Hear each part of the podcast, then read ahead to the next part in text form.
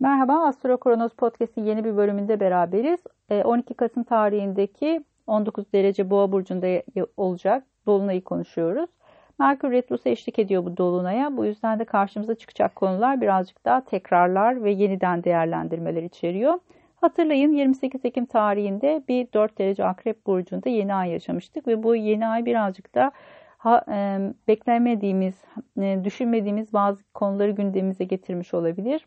E, hazırlıksız yakalanmış olabiliriz. Aceleye gelen bazı konular söz konusu olmuş olabilir. İşte bu noktada e, belki de karşımıza çıkan bu dinamikleri tekrar değerlendirmemiz, yeniden düşünmemiz gereken e, bir sürece gireceğiz. Çünkü her şeyden önce burada bir Merkür Retrosu var ve biz Merkür Retrosu'nu her zaman revizyonlar için kullanırız. Yani karşımıza çıkan dinamikleri tekrar oturup hesaplamak, yap, tekrar düşünmek, tekrar organize etmek için. İşte bu organizasyonlar sırasında belki e, daha çok finansal konuları çalışabilirsiniz. Tekrar bütçenizi değerlendirebilirsiniz. Çünkü boğa akrep aksı biraz maddiyatla ilgili ve maddi güvence boğa burçları için çok önemlidir. İşte bu süreçte belki bu maddi konuları tekrar değerlendirmeniz gerekecek. Bununla birlikte sizin için her şeyden önce 3. evinizde yer alıyor. Boğa burcundaki dolunay. Bu da e, kardeşler, kuzenler, yakın çevreyle ilgili konuları gündeme getirebilir. Eğer bir yolculuğa çıkmayı planlıyorsanız belki bunun maddi konularını e, tekrar değerlendirmeniz gerekecek. Bir ihtimalde belki bir eğitim hayatı ile ilgili durumunuz söz konusuysa, bir eğitmenseniz ya da bir eğitim almayı planlıyorsanız belki de bunları tekrar değerlendirmeniz gerekecektir.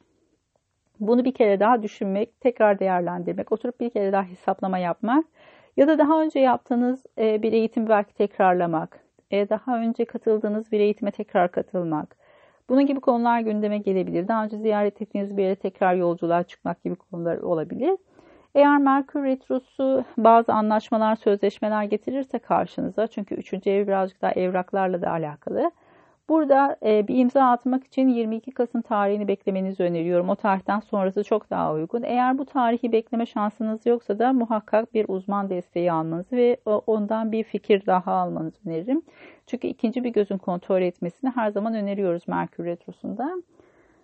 Her şeyden önce burada çıkan, e, karşınıza çıkan dinamiklerin birazcık daha e, uzun vadeli olduğunu ve bazı taahhütler içerdiğini unutmayın. Çünkü Satürn buraya eşlik ediyor. Bu nedenle de açıkçası e, bir anlamda verdiğiniz sözler ya da attığınız imzaların bir bağlayıcılığı olacak.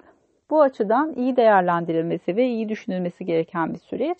Bu dolunay sizin açınızdan olumlu geçecektir diye tahmin ediyorum. Çünkü her şeyden önce balık burcu ve boğa burcu birbiriyle uyumlu açılar yapıyor ve buradaki göstergeler sizin göstergelerinizde daha uyumlu. O nedenle de e, sert bir e, süreç beklemiyorum. Ama elbette doğum haritanızı kontrol etmeniz gerekiyor. 19 derecelerde e, sabit burçlarda göstergeleriniz varsa belki zorlayıcı bazı dinamiklerle karşılaşabilirsiniz. Ama toprak elementinde ya da su elementinde göstergeleriniz varsa daha olumlu geçecektir bu süreç.